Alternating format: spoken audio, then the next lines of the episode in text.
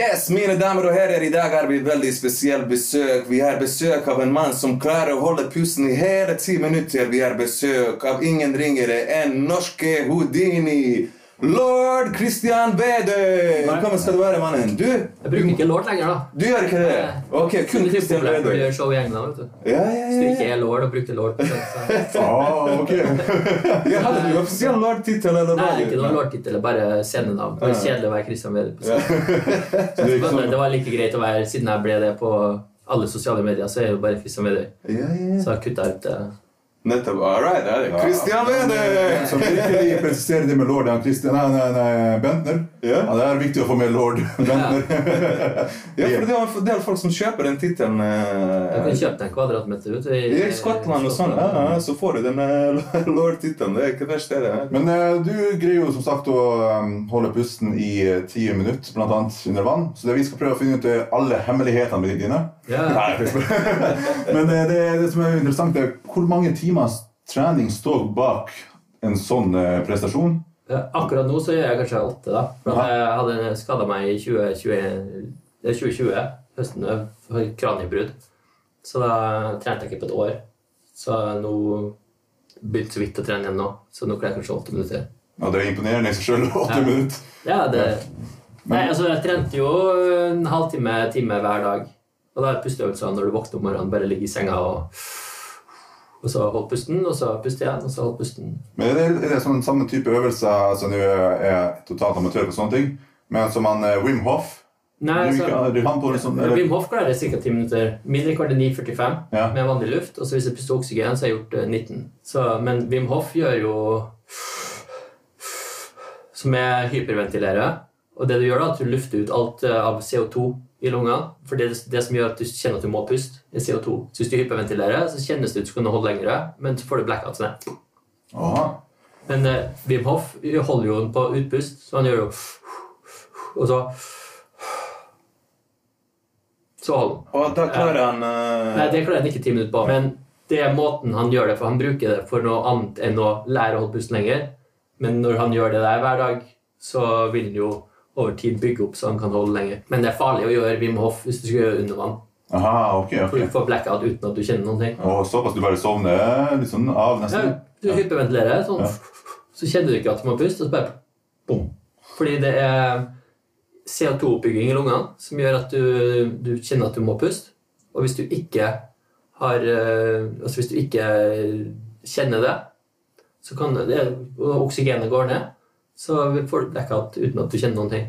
Så hvis du gjør det under vann, så drukner du. Ok, da bør folk ikke gjøre det under vann. å sånn. Han sier, Wim Hoff sier også det. Ikke gjør Wim Hoff under vann. Men uh, var det sånn uh, du hadde ulykke der for et år siden? Eller eh, når du Nei, det som jeg gjorde, var at jeg var Jeg fikk jo ADHD i fjor. Du fikk uh, Samme diagnose. Jeg har hatt hele tiden, men Ja, ja, jeg ja. fikk, fikk det ikke. Men jeg fikk beskjed. Det er det som feiler meg. da. Ja. Så begynte jeg, skulle teste nye medisiner og sånne ting. Så den dagen som jeg var på jeg skada hodet, så var jeg helt ny dosering, ny medisin. Og i tillegg så hadde vi vært i Hellas og gjort Hellas Got Talent. Og, og da var vi eh, veldig slitne, for vi var fire dager, hadde nesten ikke soving. Så når vi var på og filma semifinalen, så var det Jeg tror det var klokka fire på natta var vi ferdig. Skulle egentlig fly hjem klokka seks. Men det rakk vi ikke. da. Og i og med at når jeg skal holde pusten, så kan jeg ikke spise først. På sånn åtte timer. Og de sa alltid nei, jeg skal på klokka fem på dagen. Og så ble jeg alltid utsatt, utsatt, utsatt. Så jeg nesten ikke spist, nesten ikke sovet på, på en uke. Og så kom jeg hjem hit, og så skulle de stenge ned på, for det var pandemien. korona. Ja, ja. Så jeg, ah, jeg må stikke i pirbadet og, og filme noen videoer, så jeg har noe å legge ut. For jeg, jeg lager en videoer der om holdt pusten og forskjellige ting. Og så lå jeg på ryggen, tok på meg blybelte og så bare pusta litt og gjorde meg klar. Så reiste jeg meg opp, skulle gå til, til, til, ut i bassenget, og så bare boom, fikk jeg blackout. Fordi du kan bli sånn lighthead av den ADHD-medisinen hvis du når du tar en ny dosering litt høyere enn du er vant til. Og det gjør du også hvis du Før du får sånn blackout. Så det det kjentes bare litt ut som sånn ADHD. Men jeg reiste meg bare opp, gikk eh, fem skritt, og så bare bom. Men heldigvis så ble du eh, det ble, ble fort tatt vare på. Ja, Og- Dama mi var jo der. Hun jobber jo som eh, badevakt i Pirbadet. og sånn deltid, i tillegg til at hun er manager for meg og jobber litt på NTNU. Så hun så det, da. Så de fikk jo ambulanse veldig fort og rett til sykehuset. Og, og da var nesten så jeg død, for at eh, det var blødning mellom eh, hodeskalle og hjerne. Og, Å, dæven. Så det var seriøse greier. det er jeg kunne dødd der. Ja. Så jeg kjenner fortsatt at jeg er veldig ukonsentrert. Hvis jeg jobber med noe, og noen sier noen ting, eller eh, jeg blir forstyrra, så blir jeg veldig fort uh, ukonsentrert da. Og du merker jo det også, det, når du nevner at kapasiteten din også på det å holde pusten din har gått eh, ned, merker du på andre ting òg når det gjelder f.eks. Uh, i hverdagen din at du er mer redusert fortsatt etter det? Det, den har gått ned fordi jeg ikke har trent. Ok, Ja, så det har ikke noe med det å gjøre. så du mener at du kan trene deg fortsatt opp til det der? Ja, det er ikke noe problem. Det er bare at jeg ikke har trent. eh, For du, du, de sier jo det kan ta opptil et år, bli, eller lenger òg, og bli bra fra sånn hodeskade. Og jeg blir fortsatt bedre og bedre. Så jeg har bare ikke pusha den der hold pusten-greia noen ting før siden jeg skada meg. Så jeg har gjort, jeg har gjort tre show der jeg har holdt uh, sånn seks-syv minutter. Og da trener jeg en uke før, og så har jeg bare da er i sånn syv minutter, og så opp til åtte på en uke. Og så gjør jeg showet, og så har jeg ikke trent etterpå igjen. bare å fantastisk trene nå. prestasjon. sju- Bare 7-8 minutter. Og så det du sier er altså når du sier at når du trekker inn oksygen, så kan du gjøre, gjøre det enda lenger. Hvordan er det Hvis du der? puster rent oksygen, ja. Rent, ja. medisinsk eh, 100 For i luft så er det jo 21% oksygen. Men i, er det medisinsk så er det jo, eh, er det jo 100% oksygen. Så da har du fem ganger så mye eh, oksygen. En vanlig, ja. Så når du, når du filmer de um, ulike uh, klippene dine, er det alltid noen folk ved siden av? Det har du alltid, aldri noen ting, aldri under vann Ja, alene. ja, ja, du gjør det, du gjør det heldigvis trygt, ja. at Ja, hvis jeg skal som- trene, trene også, eh, så alltid folk det. Hvor kom eh, den ideen om at eh, du ville prøve å holde pusten lengst mulig? Nei, det var jo Jeg, jeg skulle jo Jeg ble spurt om å gjøre et show der jeg skulle gjøre et sånn promostunt for Bakklandsdagene. Det er på gamle, ved gamle Bypro her. Og så spurte jeg meg «Ah, hva kan jeg gjøre for å promotere om det er noe illusjon vi kan gjøre. noen media. Og så ja, Houdini hoppa for bro. Så, ja, for bro, det er jo bro der. Og så jobba jeg som yrkesdykker før. Så det jeg, jeg tok og, og bare dykka og gjorde klart alt selv. Var jo rydda med masse sykler og sånn under, for det ligger jo masse dritt under. Ja. Fant du En- noe, skatter eller noe sånt? 21 sykler plukka jeg opp. Oh, Ja, Wow. Det kjedelig hvis du liksom stunt skal hoppe fra broa, så sitter jeg og får litt sånn eh, styre oppi rumpa. Det, Så fikk du nok ting å konstruere deg så får du- da går, det reduserer hvor lenge du kan holde pusten litt. Det. Men det var kjempespennende å høre. egentlig. Hva er det som foregår oppi hodet når du er der nede? i sånn, altså, nå, nå var det jo det her utbrytertriks som du gjorde der. da. Ja. Men i forbindelse med sånn her, eh, generelt å holde pusten lengst mulig, hva er det du fokuserer på når du er under vannet der? Minst mulig. Minst mulig. Jeg prøver å bare tømme og, og tømme helt tankene. Lukker du øynene der, eller? Ja, hvis, hvis jeg Det varierer litt. Åpner, lukker Det spiller ikke så mye rolle sånn sett. Men du prøver også å liksom defokusere, så at du liksom prøver å ikke tømme tankene helt. Som er veldig vanskelig hvis du har ADHD. da. Men, Så, men er det noen forskjell når du da eh, skal holde pusten eh, mest mulig, hvor det, på en måte, det er det som er hovedoppgaven, og når du har gjort mange sånne stunts hvor du skal fjerne masse chattinger og ting og tang, da tenker du, da fokuserer du mer kanskje på oppgaven? Eller? Ja, det er automatisk. Nesten. For jeg vet hva jeg skal gjøre. Hvis jeg skal gjøre et stunt, så går det som Jeg gjør eh, det jeg skal gjøre. Jeg vet hvordan jeg skal gjøre det, så jeg har øvd så mye på det. At du gjør sånne stunt på scene, er ikke veldig farlig. Fordi du, du har gjort det så mange ganger, og det er så mye sikkerhet der. Du har folk som passer på hvis du og sånne ting. Og det som jeg gjør, det gjør jeg samme hver gang hvis jeg gjør et sånn scenestunt. Så at det det er egentlig lettere å gjøre det på scene, selv om jeg ikke kan holde like lenge, for jeg gjør ting. Men jeg slipper å prøve å la være å tenke på noe. for ok, nå gjør jeg det, og så, mm. så gjør jeg det. Ja, ok, så jeg det. Så liksom du går gjennom bare Det høres veldig sånn nonsjalant men når du holder plutselig 6-7 minutter bare, ja, jeg skal bare ta kjettinger i to, da. det, det er helt sykt imponerende. Ja, men Har du noensinne fått panikk? Nei. Aldri. nei. Jeg jobba som dykker før, yrkesdykker, så jeg gjorde jobba under vann. da. Så jeg er ganske vant under vann. Så når vi skulle gjøre det på Bubroa, eksempel, så kunne jeg gjøre alle forberedelser selv. Så hvis jeg skulle leid inn noen til å gjøre det, så hadde det kosta sikkert 100 000 på å gjøre klart alt. Men jeg kunne gjøre alt selv. da. Men på Bybro var det det første virkelig store trikset, for det er noen år siden nå, ikke sant? Eh, Jeg var i 2013 eller noe sånt, tror jeg. Ja, 2013-2014, tror jeg. Det er gjort tre ganger. Aha, ok. Med tre forskjellige. Men det var det på den starten på den type Ja, første gang jeg gjorde noe sånt, ja. Ja. Og så begynte jeg å gjøre det på scenen etterpå, for at jeg så det funka veldig bra. Og det, det er ingen andre i Norge som gjør faktisk gjør stunt. Det er mye sånne illusjoner der. Ja, han er under vann, og så ah, dukka han opp bortpå der. Da vet du, at Det var et triks han var egentlig ikke under vann så veldig lenge. Mens hvis du, de ser deg hele tida, og du ser hva du gjør, så er det mye mer sånn Det er ingen andre som gjør det, så at du får en nisje og et marked som er det, Man blir den man går til hvis man skal gjøre det. Og nå, akkurat nå så er det ingen i verden som gjør det på scene like lenge som jeg gjør.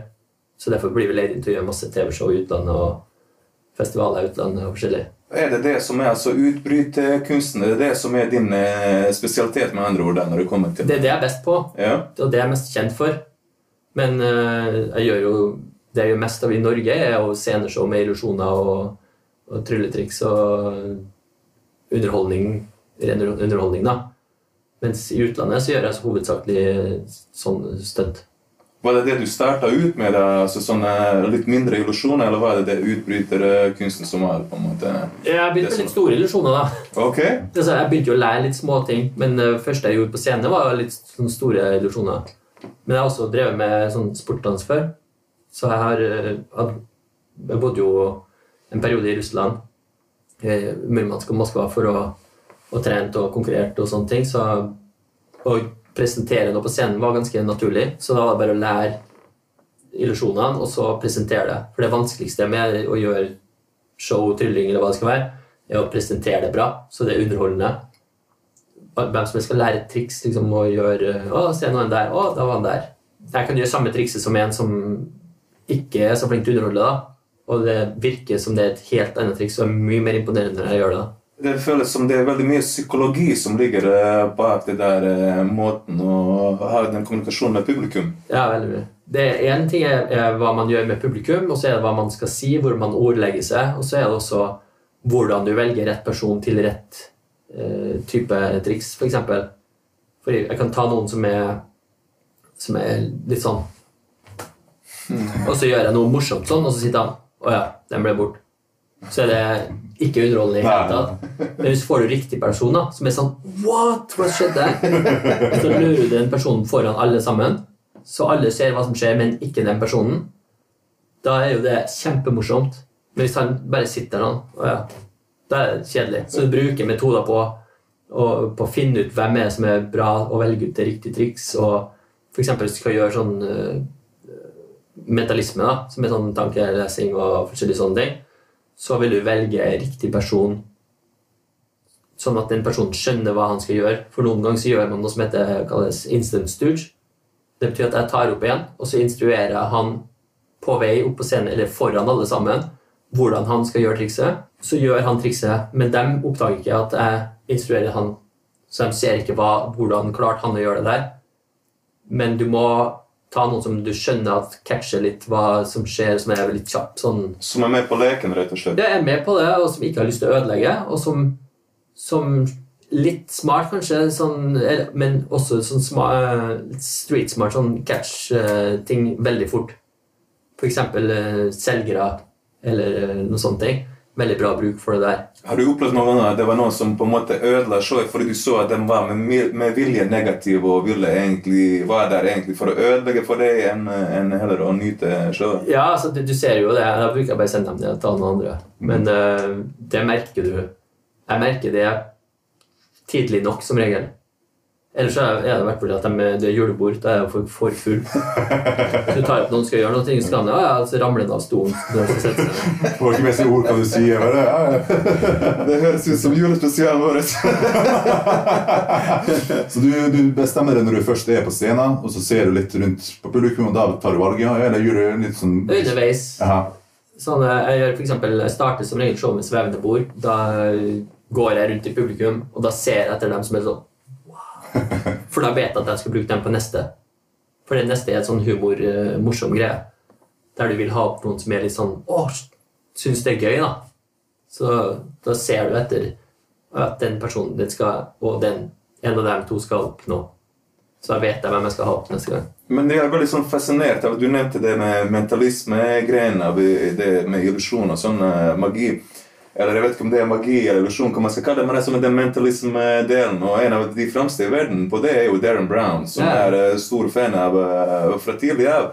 Jeg blir så imponert over det, hvordan han får det til å virkelig se ut som at han leser tankene til disse menneskene. Yeah. Da lurer jeg på hvor mye så er det sånn at disse menneskene der er med på lekene, at man må være rett og slett villig til å la seg eh, på en måte eh, Til Darren Brown så er det ingen som er med på det fra starten av.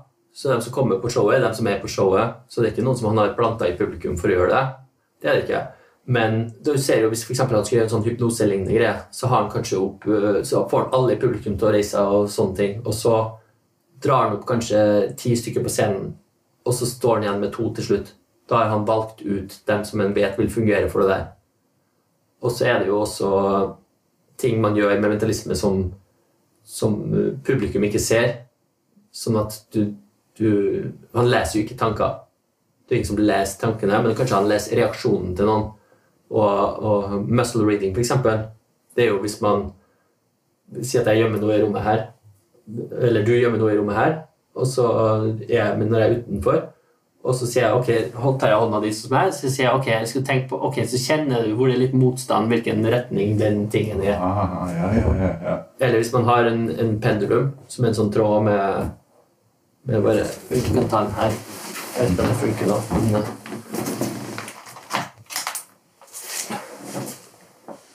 kanskje litt st- Ja, kan, kan funke. Så hvis du bare holder den der sånn, og så ser du på den her Det funker helt sikkert ikke fordi den den er så stiv. Så tenker du bare på at den svinger fra side til side. Så bare se for deg at den går fra side til side. Ja. Så ser du, du kan tenke at den går i en sirkel, sånn, for eksempel. Mhm. At den går rundt og rundt i en sirkel. Så kan du se for deg at den bare beveger seg rundt og rundt sånn. Da, hvis jeg skal gjøre eksempel tankelesing, og sånn, ja. så tar jeg opp eh, seks stykker, og så får alle en pendulum. Og så funker det på eh, kanskje halv, cirka halvparten. Fordi det, det der er underbevisstheten din som gjør at du gjør sånn her. Men det er en så liten bevegelse at du merker det ikke. Men det er ikke alle det funker på. Så da kan man eliminere noen som er kanskje vanskeligere å hypnotisere. Eller jeg hypnotiserer ikke, da. Eller vanskeligere å lese. Hvis man skal ha, gjøre en tankelesing, da.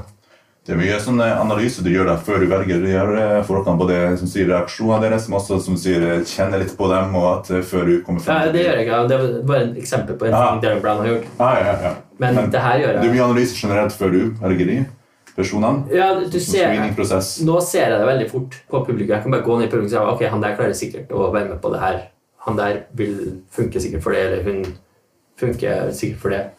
hva, hva er det som gjør at det ikke funker Det, Det her for eksempel, så er det jo eh, underbevisstheten til noen vil få den til å bevege hånda på den måten her, mens eh, til, noen, til andre så vil, jeg ikke, vil de ikke gjøre det. De, de, de tenker sånn, så holder de helt stilt. Og det funker på halvparten. Det her er jo egentlig sånne super eh, for å si sånn spesielle ting og interessante ting. Hvordan kom du egentlig inn i det her? Altså, Du begynte å interessere deg virkelig både for illusjon og alt det som har rundt det å gjøre? Jeg ble kjent med en, eh, en tryllekunstner da, som bodde i byen her. Så vi var, jeg møtte på en fest, og så, det var da jeg holdt på å danse og, og konkurrerte i det.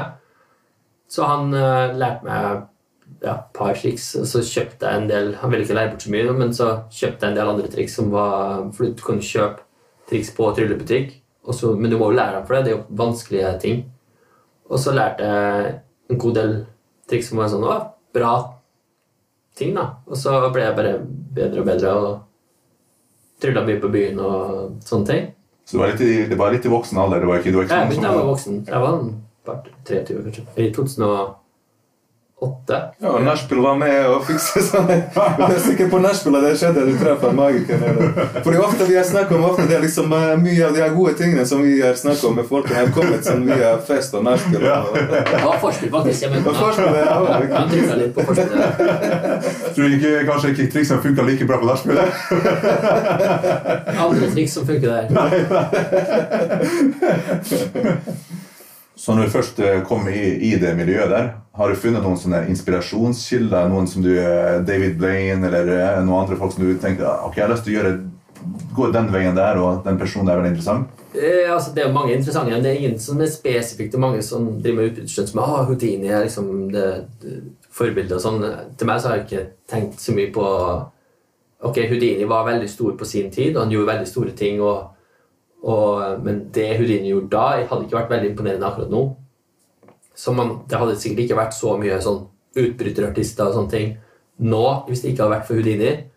Men akkurat det Houdini gjør, det, det er ikke noe sånn spesifikt som jeg tenker på, på sånne, Jeg er jo medlem i et sånt forum eh, på Facebook med masse sånn utbryterartister, og sånn, det er jo bare sånn.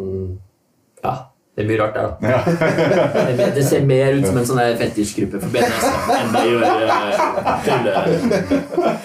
Men det, er- det, er jo, det er jo en sånn evolusjon. Det er sånn som i sport. altså De som var basketspillere på 50- og 60-tallet, er, Ja. er jo ikke vært i nærheten så imponerende og gode som, som de som er på, særlig på 90-tallet, som vi liker ekstra godt. Men eh, Så det er jo en evolusjon av hva som er imponerende. og David Blaine er jo veldig flink på det han gjør, og det som jeg liker med han, er at han er rett, rett på sak. da. Det er ikke en halvtime med oppbygging, og så var trikset sånn halvveis. Han gjør Se her, bom, så gjør han det. Og, og det er bra. Copperfield er jo, er jo kjempestor, har jo veldig mye store, fine triks, men mesteparten av det Copperfield gjør nå, er jo så dyrt å gjøre at det går ikke an å prøve på engang. Ja, store produksjoner, med andre ord.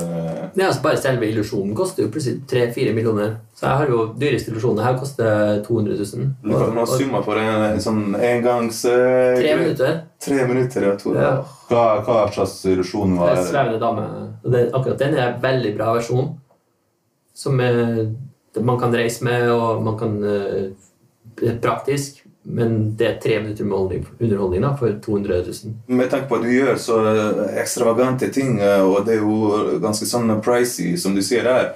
Er det noe, hvordan er det med forsikring og sånne ting? Er bankene villige å, å gjøre Ja, altså får jo forsikring, men, men det er jo ikke det Price er det jo fordi at jeg er ikke akkurat det. Det er andre som gjør lignende ting med det jeg gjør, som koster mye mindre. Men jeg gjør veldig mye YouTube, så jeg gjør jo har en million følgere der nå. Og så er det en halv på TikTok. Og så gjør jeg veldig mye TV i utlandet. Og for at det skal være verdt å gjøre det for min del, for at tiden som jeg bruker på å gjøre det showet, skal være verdt pengene, så koster det en del. Ikke for at det spesifikt akkurat det trikset koster så mye å gjøre, derfor må jeg ha så, så mye penger. Men det, det er ingen andre i Norge som har mer presse enn jeg har liksom sånn av tryllekunstnere med tanke på TikTok og YouTube og sånne ting. Og dermed så går man opp i verdi, men det også, du må også levere kvalitet av den. Ja, Det kreves mye mer av deg du skal levere den underholdninga. Men det føles veldig dårlig hvis du tar veldig mye for et show, og så tenker jeg sånn ah, wow. Kommer noen korttriks. Ja, det er mange som vil bare ha korttriks. ja. Men- Og, men jeg sier jo at jeg kan godt komme og gjøre det close up-magi, men det koster det samme som det andre showet, for jeg må likevel reise til Oslo og gjøre bruke hele dagen på det. Så at jeg tar betalt for tida mi. Ja, for du har jo egentlig en ganske lang CV. Som du nevnte, du har både vært i Storbritannia og på Britain Got Talent, og du har vært i Spania Got Talent og Du har vært i Spania også? Cavalles Italia. Eh, Bulgaria Got Talent var jo i semifinale. Finale i Hellas Got Talent i fjor. Jeg har gjort 30 land, jeg har vært på TV så langt, så det er jo det er mye mer verdt det. Selv om, om jeg får like mye betalt, da, eller mindre betalt for å dra på TV i Hellas, så er det mye mer verdt det. For da kan jeg lage en vlogg på veien, jeg kan få masse content for å lage, lage YouTube. Og da tjener jeg mer på YouTube enn jeg gjør på showet. Da Jeg så blant annet klippet hvor du var på Britain's Talent. Ja, Og jeg så hvordan eh, Simon Cowell var veldig stressa for det. det dårlig, dårlig.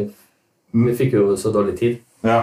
Vi gjorde akkurat samme i Spania. Da vi holdt jeg pusten dobbelt så lenge. aha. Masse flere låser. og Ja. For at det som regel på TV så er det begrensa hvor lenge får jeg lov å holde på, ikke hvor lenge kan jeg holde på. Så jeg sa maks fire minutter, og så gjorde jeg fire og et halvt, tror jeg. Mens i eh, Spania så sa jeg hvor lenge kan jeg gjøre? Nei, så lenge du vil. Så ok, da gjør vi åtte, da. Så holdt du pusten i åtte minutter. da. Du blir ikke da mer stressa når, når det er snakk om så, så store publikum? Altså når du er på Nei, Du ser ikke publikum under vann. Ja, men jeg tenker sånn underbevisst altså, liksom, i Nei. bare, Å, nå er så mange som ser på meg, jeg må ta og gjøre, gjøre det her litt fortere, eller, eller blir litt sånn nervøs. Skynd meg ut, gjør fem minutter på to minutter. Nei, altså Utbryterstunt og de stuntene illusjoner og stunt der jeg ikke har publikum opp på scenen, der jeg, det er enten meg og, eller meg og en assistent, så er det ingen forskjell om det er øving i et tomt rom, eller om det er en million folk som ser på på TV. Det spiller ingen rolle, fordi jeg gjør akkurat det samme uansett. Og spesielt med de utbytterstuntene, der er det veldig lite sånn presentasjon og, og sånne ting. Selvfølgelig må du, må du presentere det bra så at folk syns og gjør et bra show, men uh, må, du må gjøre akkurat det du må gjøre for å komme deg ut. Så er det bare hvor lang tid bruker du på det. Men hva er dine favoritttriks å utføre? Ja, det er utbryting. Ja, fordi det, dem har jeg laga selv. Jeg har bygd illusjonene selv og har laga presentasjonen selv, og ingen andre i verden gjør akkurat det der.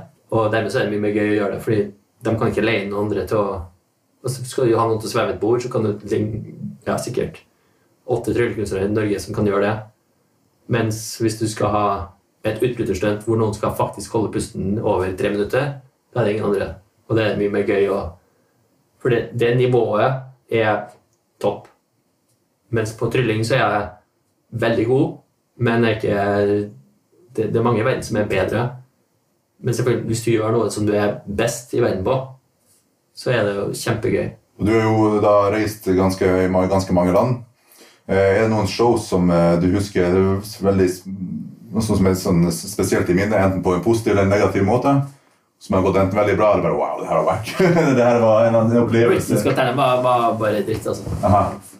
Ja. For det første så var det jo pandemi, så vi kom, fikk jo ikke komme tilbake igjen til neste runde. Men det var jo ikke noe de kunne gjøre med. Men der ble det behandla som dritt, liksom. Vi hadde en presentasjon som sa ikke Nei, nei, du, ikke, du må si det her. Så men det, det vil ikke funke. Og så kom vi på scenen, så gjorde presentasjonen kom jeg ut, og så sier først så si de. Du burde gjort sånn og sånn. Så sier jeg bruker å gjøre sånn og sånn, men jeg fikk jo ikke lov. Merker du sånne kulturforskjeller sånn, i forbindelse med hvor mye, hvor begeistra folk blir over ting som du gjør i, i forhold til landet? Ja, ja. Veldig stor forskjell på så Enkelte land så tror de jo på magi. Så da, da er det jo Jeg var på Solsiden, og så satt jeg med jeg tror det var fem-seks andre tryllekunstnere. Og så var det Han hadde en sigarettkartong, han ene, og så tok jeg og så gjorde jeg sånn. Og så fløy sigaretten herifra og så opp dit. Og så kom det en, en dame springende og bare «Hæ? hva, hva, hva du gjorde? Og sånn. Så måtte jeg gjorde et triks på henne etterpå. Og hun frika helt ut, så jeg måtte fortelle henne akkurat hva jeg hadde gjort. For at hun skulle roe seg ned. At du ikke er en trollmann? Det er vel Men det var voodoo, og det var Eksorsisten? Og så merker jo en- enkelte kulturer at de, de forventer at du skal fortelle dem hvordan du gjorde det. Og så er jeg her litt sånn Hvordan gjorde du det? Sikkert på Balkan. Men hvordan gjorde du det? Du til meg hvordan du gjorde det. Du Nei, er sint på han også? ja, men jeg skal vite. Så sier jeg nei, du får ikke vite. Så ble de skikkelig sint da. Jeg var jo på, på en eh, Da hadde jeg trodd jeg kanskje et år. så. Jeg var på en uh, nattklubb i uh, Moskva. Da var jeg ute alene, for hun, partneren min hun var, var russisk, men hun, hun var jo gift med en uh, norsk som jobba der. Så jeg stakk ut alene. Så, ja, så går jeg ut, og så ja, tryller jeg litt sånn og jeg Husker ikke hva jeg gjorde, men men eh, jeg tror det var en som holdt et sugerør, og så gjorde jeg sånn som bevegde det på seg. Og så You come here, you do magic there. Så jeg nei, jeg gidder ikke det. Og så sa hun til meg Jeg tror du må gjøre sånn mafia og så, Du må Så jeg ok, greit. Så gikk jeg inn på en sånn VIP. Inne på vippen. Noe sånn glassgreier rundt, sånn speil. Så satt en gjeng inni der som Og så skulle jeg gjøre et triks, og så gjorde jeg trikset på han uh, mafiabossen, da. Ok, how? At bare så jeg ja, Everyone out! Så bare jaga han ut alle sammen, og så sa jeg på russisk, da. Så jaga ut alle. Og så måtte jeg vise dem hvordan han gjorde det. Og så kom de inn igjen, og så gjorde han det trikset jævlig dårlig. Og alle bare det, that, Wow. This is the talent match! This is the talent. Så jeg var liksom Jævlig Så jeg var ikke på den nattklubben noe mer. Men eh, du nevnte jo sjøl at du har jo 1,1 millioner følgere på YouTube, og du har eh, over 1 milliard visninger også eh, til sammen på videoene dine. Hvor mye arbeid ligger det i det der? Ja, det er mye, mye. Mye arbeid. Ja. Hvor mye av tida di i løpet av en hverdag bruker du på Ja, nå har jeg gjort lite de siste to månedene, for det har vært så mye show og sånn. Men nå framover så blir det, etter jeg er ferdig med showet for UDI, så skal jeg all in på YouTube igjen. Så hvis jeg filmer en video, så bruker jeg kanskje en dag på filmen, og så bruker jeg en dag på å redigere og laste opp. Hvis det er en lengre video som er så kan jeg bruke en hel uke for å lage en video. La oss si hvis videoen ikke går slik du har forventa det. Hvor mye av tida bruker du på å analysere hva det var som eh, skjærte seg, og hvor mye av tida bruker du bare til å Ja, jeg bruker mye på Analytics, ja. Men det er også, hvis at det er en video som Nå jeg last, siste videoen jeg har lasta opp, den vet jeg kommer til å gå bra, men den har veldig lav click-through rate. Så, så liten prosent av dem som ser at den er der, den klikker på den. Jeg tror det er på sånn 6 eller noe sånt. Hvis jeg får det over 11% så går den, vil den videoen få en million listinger. Og det vet jeg er kun thumbnail. Men eh, jeg skulle, etter jeg lasta den opp, så skulle jeg fikse det, men så ble jeg syk. Så jeg har vært syk en uke. Så første gangen jeg er frisk igjen nå så hadde jeg visst altså hadde jeg kunnet dratt og så eh, kanskje brukt en dag nå på å fikse den demningen for å få det til å bli 100% sånn at eh, jeg vet at den videoen blir, går bra. For den vet jeg er en bra video. Men hva er største motivasjonen din for å bruke så mye tid på det? Er det noe som du har lyst til å leve av, eller er det Ja, altså, Jeg lever jo delvis av det. Ja. Det er jo gøy. Under pandemien så levde jeg bare av det. Så, og da, Jeg begynte jo med TikTok helt i starten av pandemien. Og da lager jeg seks videoer per dag på TikTok. Hver dag i et halvår. det er ikke illusjoner som du legger ut? Jo, triks og illusjoner og noe under vann. Og omredigerte en del YouTube-videoer og bare la ut. Så veldig lett å, å, å vokse på TikTok hvis man vet hva man gjør. da. Akkurat nå så legger jeg ut sånn kanskje en video eller to i uka på TikTok. Men det er mest fordi at jeg prøver å kjøre istedenfor å gå mest mulig visninger, så prøver jeg å ok, mer mulig on brand. hva Sånn at man gjør det man vil at folk skal se, istedenfor at man gjør det som man vet for visninger. da. Så kanskje en video får eh, 5000, 10 000, 100 000 visninger. Men jeg vet hvis jeg legger ut denne videoen nå, så får den en million visninger. Så jeg har sikkert ti videoer liggende på PC-en som jeg vet jeg kan laste opp nå og ha en million visninger på hver video. Det er bra å ha i bakgrunnen. Altså, hvis jeg bare vil ha visninger, så er det bare å kjøre på med det. Men det er ikke det du vil, ikke sant? Du ha, altså det, det er det der eh, click-raten som du nevnte i sted, som du vil Jeg fokuserer på YouTube, Ja. fordi YouTube kan du tjene penger. I Norge tjener du ingen penger på TikTok, men du gjør brand deals. Og brand deals er litt dårlig betalt på TikTok i forhold til YouTube og sånn, fordi de store firmaer sånn, de ser ikke like mye verdi i TikTok som de gjør i, i, I YouTube. Og så hvis jeg lager en video til YouTube, så lager jeg som regel en shorts også. Og så en kort video. Og jeg laster jeg den som YouTube Shorts og Instagram Reels og TikTok. Så de videoene jeg laster opp på TikTok nå, de er kun egentlig laga for YouTube. Men kan man bruke TikTok som en plattform for å få mer uh, views over på YouTube? Eller er folk som Det- på en måte låst til den plattformen at de ikke eh, bytter? Du kan gjøre det, men uh, altså, jeg har veldig liten overlapp på publikum. For jeg ser hvor de er fra. Og jeg ser jeg har 200 000 følgere fra Vietnam på, på TikTok. Og det har jeg ikke på YouTube.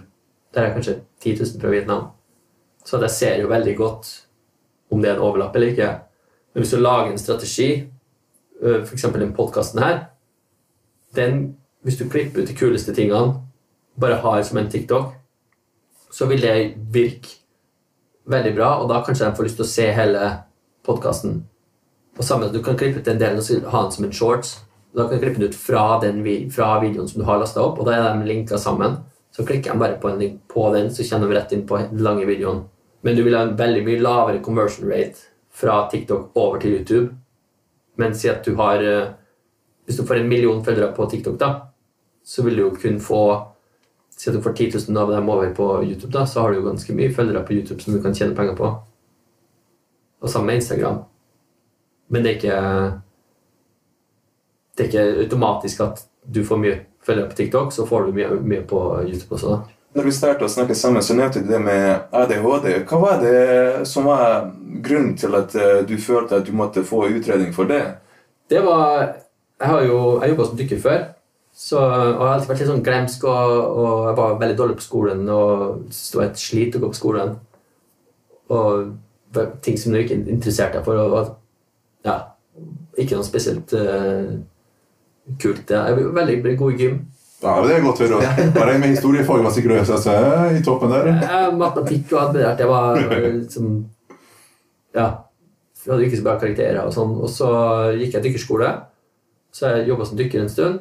Og så slutta jeg som det, og så tenkte jeg faen, glemsk. Jeg glemmer jo ting hele tida og er litt forvirra. Og, og det er vanskelig å få gjort ferdig en ting. og altså, Hvis du er veldig interessert, kan du jobbe veldig mye med det. Og, mens hvis det ikke er interessant, så er det bare å gud, må jeg gjøre det her nå? Og blir veldig fort lei av altså, Veldig mange er veldig kjedelige, syns jeg, av folk og sånn. da. Så var en kompis av meg som jeg er i militæret med, som sa at han har fått ADHD, og vi, bare, vi er helt like. Sånn, ikke i utseendet, men sånn på hvordan vi tenker og alt sånn her, har du ADHD. Så jeg ok, jeg må snakke litt med ham. Å ja, jeg har alt det der. Så dro jeg til og ble skutt på utredning øh, for å spurte om å få det. Så fikk jeg det, og så snakka jeg med hun, hun psykiateren, og så Ja, vi har jo en, går gjennom en ganske tar jo noen uker av det her, og, men, men du har jo det. Så, så det var liksom Åpenbart. ja, helt åpenbart at det her var det, da. Og hukommelsen og fokuset og alt bare, bare, bare Oi! Å ja. Det er sånn det skal være. Og sånn brain fog hadde jeg jo hele tida før. Gikk ut som var i koma nesten. Og, og, mens etter det så var det veldig bra. Motivasjonen gikk jo opp sånn her etter det ble medisinert. Sånn, fordi en del med ADHD er jo at det, det, min, det problemet med dopamin. Og dopamin virker jo veldig på motivasjon. Sånn at du ja, kanskje begynner med en ting, og så har du ikke helt motivasjon til å gjøre ferdig det, eller øh, Mens etter jeg fikk diagnosert, så gjorde jeg jeg tror jeg gjorde mer på en måned enn jeg gjorde halvåret før. Fikk gjennomført, da. Ganske stor, stor er livsendring. helt sinnssykt forskjell. Ja, det er så herlig å høre at det gikk såpass, at det gikk eh, såpass bra. Ja, jeg var sånn halvveis deprimert og litt sånn Og da snakka jeg med han kompisen min i, som, som ga meg ADHD. Han, eh, han sa jo også Det var akkurat samme greia, så at det forklarte veldig mye. da. Og jeg ble jo, var jo til utredning når jeg var på skolen òg, men eh, ADHD på 80-tallet var jo helt nytt.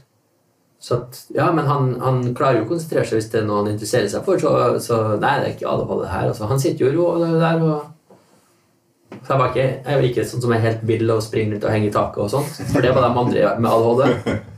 Men jeg var mer uh, inni hodet, da. Ja, konsentrasjon og ja. Så tankene går jo sånn bam, bam, bam, bam, bam. Tenk på 15 ting samtidig og sånn. Mens når jeg ble medisinert, så bare ja.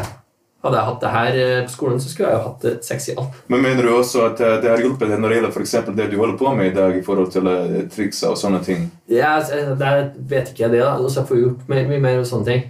Så at kanskje det, men, eh, men jeg tror ikke det har noe innvirkning på selve showene. Men på det arbeidet rundt det, som eh, når man Før så var det jo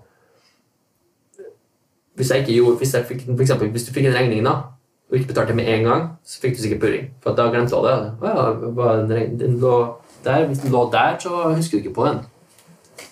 Så hvis jeg gjør for, nå, så er det sånn får nesten aldri purring på noen ting. eller noe sånt. Før det så var det bare Det er mer sånn struktur i hverdagen? ja, veldig mye med struktur, og, og det har hatt en veldig positiv innvirkning å, å få, få vite at man har det, og, og finne ut hva som feiler skulle si. For før var også, jeg var masse utredninger for å finne ut om har dykkinga skada hukommelsen min. og sånn, for Jeg var så glemsk. Glemte jo ting hele tida. Vi reiste, gjorde en europaturné. Der Jeg gjorde masse stunt, og så var det en eh, kollega av meg som trylla litt. og så skulle se om klarte å overleve på å trylle på gata. og sånn. Glemte jo å ha kamera på toaletten i Tyskland. Ikke fordi jeg filma at jeg var på do, men eh, jeg hadde med kamera, og så la jeg det oppå hylla, og så lå kameraet der. og Så dro vi tilbake om en time etterpå og henta det Så du, kameraet. du ble ikke bura inne for å filme på dass? Nei, jeg slapp det. Det er den ekte magien skjer. Det var veldig skjulte kamera. Altså. Men det forteller jo også litt om eh, hvor viktig det er å prate med folk man eh, stoler på, gode, som sier, gode kompiser. At Ja. man, for det, det endrer jo ganske mye for deg. Ja, helt sinnssyk forskjell. Helt annet liv. Så det å åpne seg opp for den, eh, noen nære, kjære familie eller venner, det, det kan bety veldig, veldig mye. Altså, broren min har jo ADHD. Han fikk det jo når han gikk på skole. Han fikk jo noen diagnose. Og, og, men han er jo, he, var jo helt annerledes. Han var jo overalt og litt mer sånn utadvendt ADHD enn det jeg hadde. Så, men det går jo ofte i arv og familier og sånne ting. Så når jeg, var ikke overraska når jeg hørte hva det var, og hvordan at jeg fikk det, men i og med at jeg var såpass rolig når jeg var på skolen ut, utover, da, så tenkte jeg nei, det der Det er jo det som er så også fint å få frem også, at det fins flere nivåer eller forskjeller på ADHD, Ja, ja. som sier utvendig, innvendig og Du har, har jo dem som er, er helt vill og henger i lampa i taket og, og ikke klarer å sitte i et sekund. Det er jo en type. Og så har du den som er bare inni hodet. Tankene bare går pam, pam, pam, pam. Og så har du også en kombinasjon av det. Og jenter for eksempel, har jo veldig ofte der de sitter bare og er stille, men de sitter og tenker på helt andre ting enn det som eh, faktisk skjer. Eh, Men de er ikke helt ville og løper rundt og sånne ting. Mens gutta har ofte mer den der eh, utadvendte, hyperaktive ADHD. Det er jo også det jeg reagerer på litt med i forhold til hvordan eh, skolen er i Norge. For den, eh, De siste årene så har den blitt mer og mer akademisk. Og jeg tenker at eh, praktiske fag og litt annerledes fag skal få litt mer innpass. For er, alle er jo ikke der bare for å sitte og høre og, mm. og få, få informasjon, men de, at de kan bruke kroppen og bruke eh, andre kunnskaper som ikke har nødvendigvis med teori å gjøre. Så Ja, altså det hjemmeskolegreiene under pandemien. Det hadde kommet til å tatt helt livet av meg å få gjort hjemmelekser. Altså, jeg fikk gjort litt på skolen, men å gjøre hjemmelekser var helt eh, døden, altså. Å sitte der og med det her når jeg kan gjøre det der. når du holder på med de ulike tingene, så er du åpenbart veldig dedikert. Du legger jo mye hjertet ditt i det. Eh, hvordan, eh, hva var målsettingen når det kommer til dans? Hadde du noe spesielt du skulle oppnå? eller? For du har holdt på med det en stund nå. Ja, det, det var bare at det, det var det jeg gjorde, da.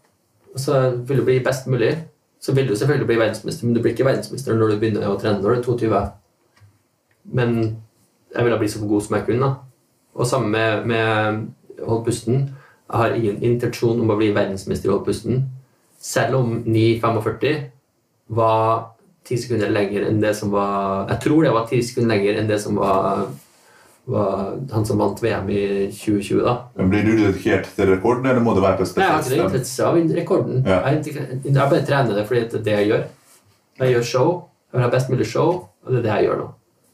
Men jeg får også beskjed om at det, du må, samfunnet funker ikke på den måten her. Du kan ikke bare gjøre det her, du må gjøre litt andre ting òg. Men hadde jeg vært alene, så hadde jeg bare gjort det. Bare. Hva er egentlig sånn verdensrekorden på å holde pusten? Verdensrekorden er 11,54. Men eh, før så Sånn som, som sagt, bodybuilding gjorde vi steroider og sånne ting. Før de, før de oppdaga hvordan de, man tester for det. Og jo mer de tester for, jo mindre ting har de lov å bruke.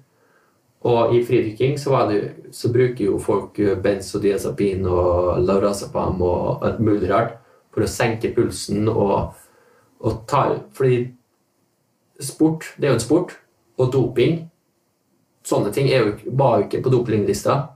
Fordi at det, det er jo ikke noe man blir bedre i sport av. Å ta og dope seg ned så man nesten sovner. Det er jo ikke noe man blir bedre i. Heroin er prestasjonsfremmende.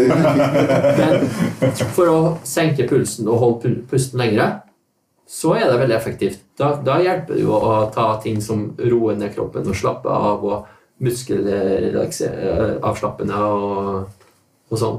Så når den rekorden ble satt, så kan det godt tenkes at det var tatt noen supplementer som ikke var helt heldige, da. Så det blir vanskelig å slå den rekorden med, med den.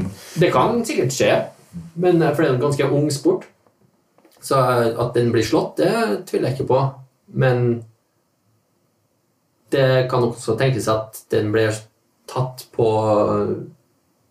litt eh, stoff, da. Uten at jeg vet det.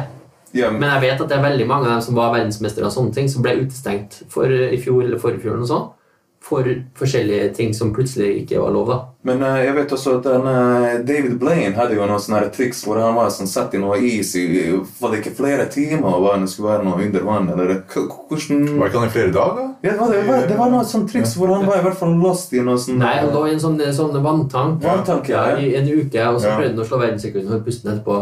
Som er en helt idiotisk uh, måte å forberede seg på å, slå verdensrekord. Og bo under vann. Men det, da pusta han jo hele uka. Han hadde jo luft hele uka når han var i den eh, tanken der.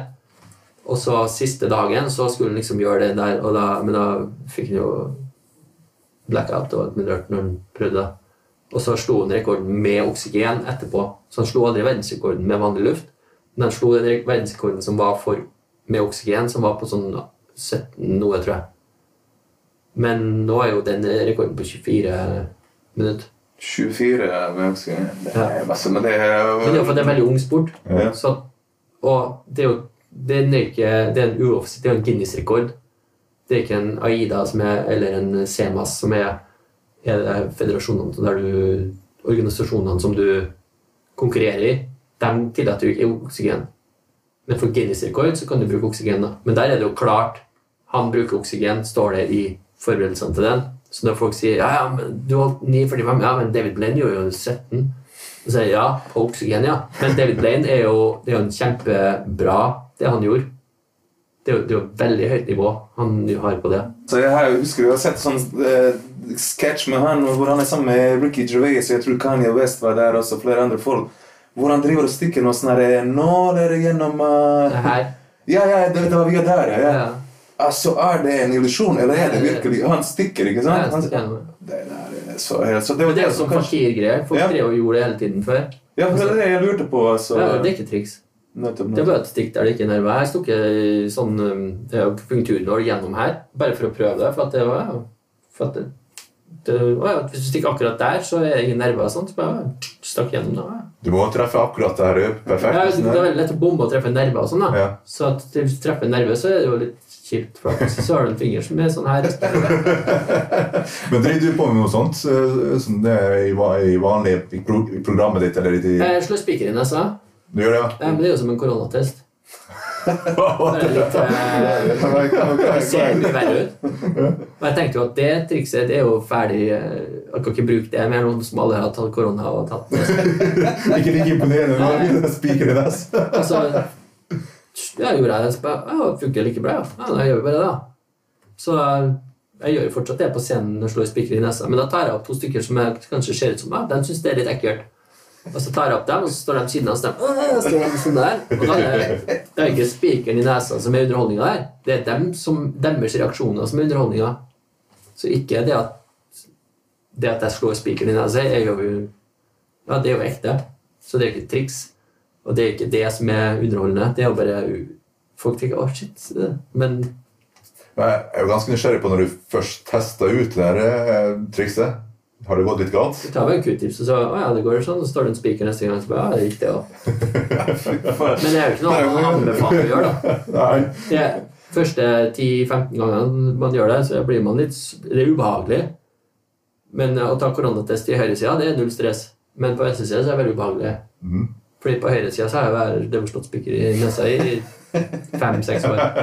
Og vi skal i hvert fall ikke avslutte med det. Det vi har veldig lyst til å avslutte med, er at eh, du kanskje viser oss eh, et par eh, triks. Og for folk som hører på det her, så er det bare å gå inn på kanalen vår og se på triksene der. Ja, jeg kan ta, begynne med å gjøre et enkelt korttriks først. da. Bare for å se. Ja. Som jeg, det bruker jeg å åpne litt med hvis jeg gjør, når jeg gjør show. Ja. Så går man jo ofte Hvis man gjør close-up, da. For eksempel, jeg gjør show, så gjør jeg close-up først. Går jeg fra bord til bord eller på aperitiffen og sånne ting. Og da vet de jo ikke alltid hvem du er. Eh, Så da er det greit å åpne med, og så må jeg bare bam, rett på sak. Så hvis uh, Si at du tar et kort her. Hva du vil. Ja, Du kan eh, vise til kameraet og, og sånn. Skal jeg prøve å la være å se på det? Yes. ja, ok, du trenger ikke vise meg. Her skal det skjules. Ok, er du klar? Ja. Yes. Uh, Sier bare stopp når som helst? Stopp. Ok, bare legg det kortet her. Sånn. Det er også et triks som jeg brukte å gjøre på Zoom. Da. Så når pandemien begynte, så kunne du ikke gjøre så mye Det var ikke lov å trylle lenger. Du kunne trylle på Zoom. da. Så hvis man gjør sånn her, sånn, så er det et kort her som uh, blir blått, ser du. Aha. Og kortet ditt, det var en, eh, en kløver 7, sant? Fy faen. Hadde ikke jeg visst det, så Kløver 7. Så hvis man eh, Fy faen. Hvis du tar kløversky, da Skal jeg legge den her så lenge? Så hvis du bare sier stopp Stopp. Ok, husk den her. Ja. Så gjør så er det et som blir blått, ser du det? Det er ett som blir blått. Ja. Og du hadde Kløver 2. sånn her, da. Fy faen. Shit. Jeg har sett mange, har sånne triks på TV, så tenker jeg Nei, de er litt avtalt på voodoo, man, voodoo. Men det er bare, jeg tenker, nei, de har avtalt på forhånd, men fuck, så man ser sine egne øyne. Jeg tenker bare, Du ser det er masse forskjellige kort her. Ja. Det er litt viktig. Men noen, noen som tror at det er Nei, man ser det sjøl det er en helt annerledes følelse. Ja, fy faen. Vi kan, kan ta en til, da. Hvis, du bare sier Bare tar et kort her. Ja. Hva du vil. Den der. Ja. Du er happy med den? ja. Yes. Jeg, Skal jeg vise den uh, Nei, jeg kan bare Bare den. Ja. Der. Finne med kortet, sette inn i midten her, så knipser man en gang. Det som skjer, er at det kommer til toppen, ser du. Så kan man ta det kortet her, så kan man sette det inn i midten her. Så man gjør sånn her, så ser du at det kommer til toppen igjen. Helt drøyt. Det er ligner egentlig veldig mye på en sånn sparkle, ser du. Men det skal være ruske mafiaen. Show me how you do it. Tell me how now. Det var jeg. Å, fy faen. Ok, eh, tenk på en kjendis. Du har en kjendis. Vent til jeg blir Ja. Ja, ok. Eh, tenk på eh, hvor mange bokstaver det er i fornavnet. ja. Må- Det var det du ser. Ja. Ok, ni. Ja. Ja, for det som jeg ser etter, er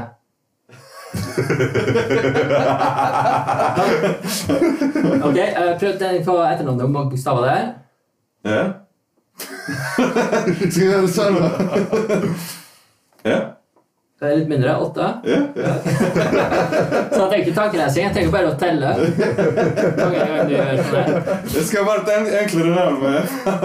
åtte kroner Ok, Tenk om det er noen bokstaver som er samme inn i fornavnet. Om det er noe Det er ingen bokstaver som er, dobbeltkonsonant i, i fornavnet. Å, å, nei, dobbeltkonsonant. Nei, nei. nei. Nei, Men i etternavnet så er det det. Ja, stemmer Okay. Ok. Ehm, tenk på første bokstav i fornavn. Ja. Tenk på første bokstav i etternavn. Ja. Det samme. Ja. Ok. Eh, tenk på hva personen her gjør. Ja. Se for deg at han spiller fotball Nei, ikke det.